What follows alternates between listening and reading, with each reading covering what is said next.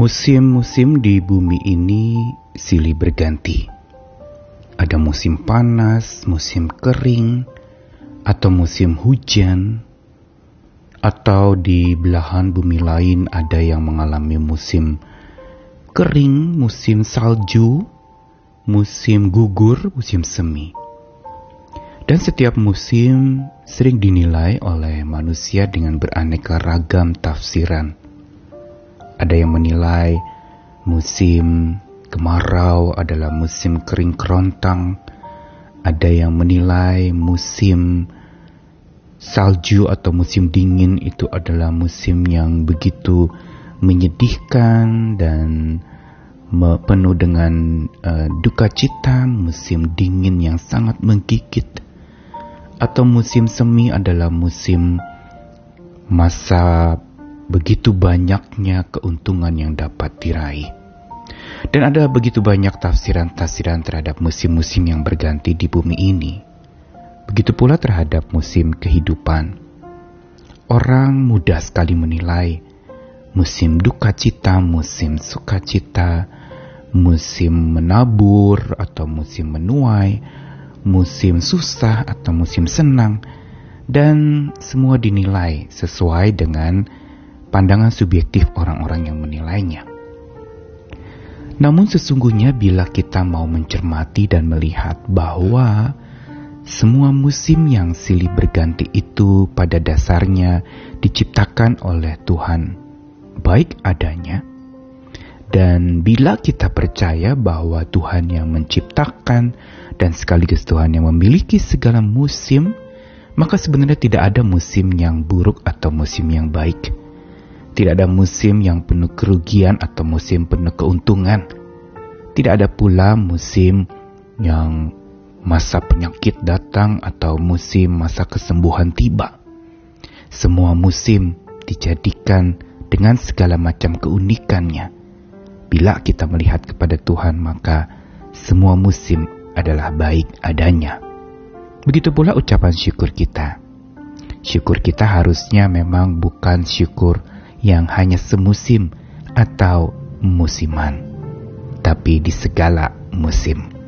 Saya Nikolas Kurniawan kembali menemani di dalam Sabda Tuhan hari ini dari dua ayat di Mazmur 74 ayat 16 sampai 17 sebuah Mazmur ratapan setelah bait Allah dihancurkan punya mula siang, punya mula juga malam. Engkaulah yang menaruh benda penerang dan matahari Engkaulah yang menetapkan segala batas bumi, musim kemarau dan musim hujan, Engkaulah yang membuatnya. Mazmur 74 ayat 16 sampai 17 ini merupakan penggalan yang berisi sebuah keyakinan di tengah-tengah ratapan. Di tengah-tengah duka cita dan mempertanyakan Tuhan yang mengizinkan masa kehancuran bait Allah itu terjadi.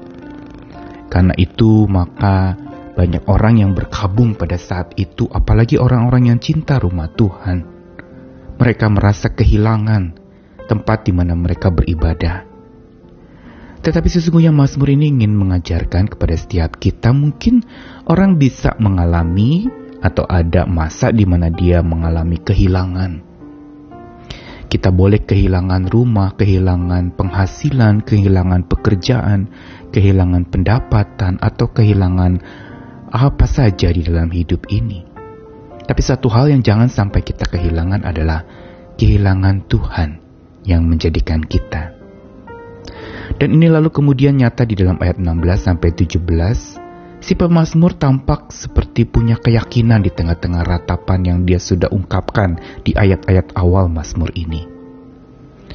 Pemazmur meyakini dengan iman dan mengamini jelas sekali bahwa Tuhanlah yang mempunyai siang dan malam.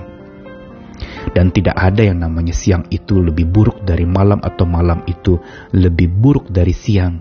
Tidak. Semua itu punya Tuhan. Semua itu dimiliki oleh Tuhan dan Tuhanlah yang menaruh benda-benda penerang dan matahari.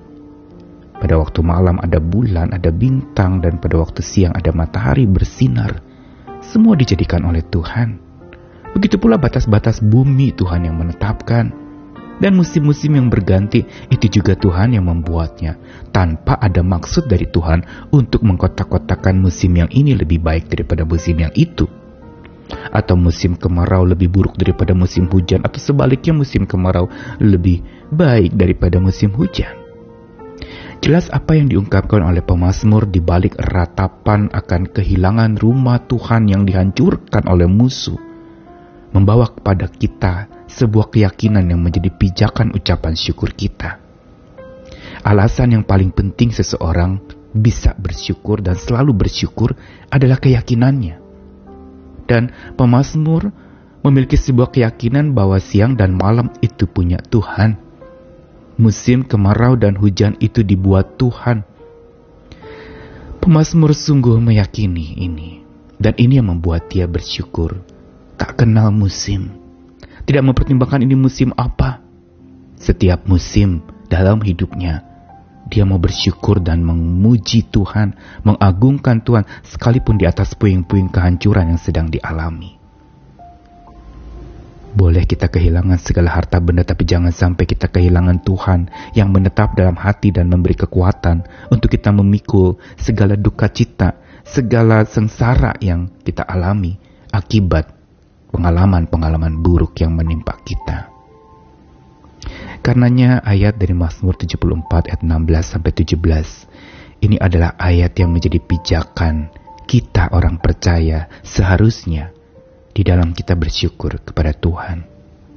Sabda Tuhan hari ini mau mengingatkan bahwa faktor utama yang membuat kita bersyukur adalah iman percaya kita. Bukan keadaan kita. Bukan berapa banyak berkat yang kita terima, atau berapa banyak rezeki yang kita peroleh, atau berapa hebatnya pekerjaan yang kita dapatkan, atau berapa banyaknya harta benda yang kita miliki.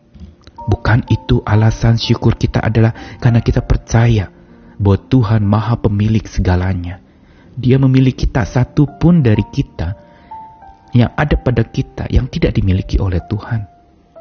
Dia juga Maha Pembuat segala musim Tak satu pun dalam hidup kita yang tidak dijadikan oleh Tuhan. Hari pun dijadikan oleh Tuhan. Karena itu bersyukur harusnya memang bukan semusim atau musiman. Bukan satu musim saja ada era ucapan syukur, lalu besok bukan era ucapan syukur lagi, tapi era penuh dengan sungut-sungut atau amarah dan penuh dengan perbantahan. Bukan demikian.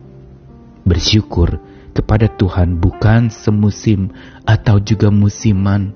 Sewaktu-waktu bila kita memang merasa ingin bersyukur lalu bersyukur. Bukan semusim dan bukan musiman. Tapi di sepanjang musim kehidupan. Setiap musim silih berganti, sebenarnya alat uji apakah iman kita juga berganti. Yang pasti Tuhan kita tidak tergantikan, karena itu tetaplah bersyukur bukan musiman, bukan semusim, tapi di sepanjang musim kehidupan ada Tuhan yang selalu bersama dengan kita. Amin.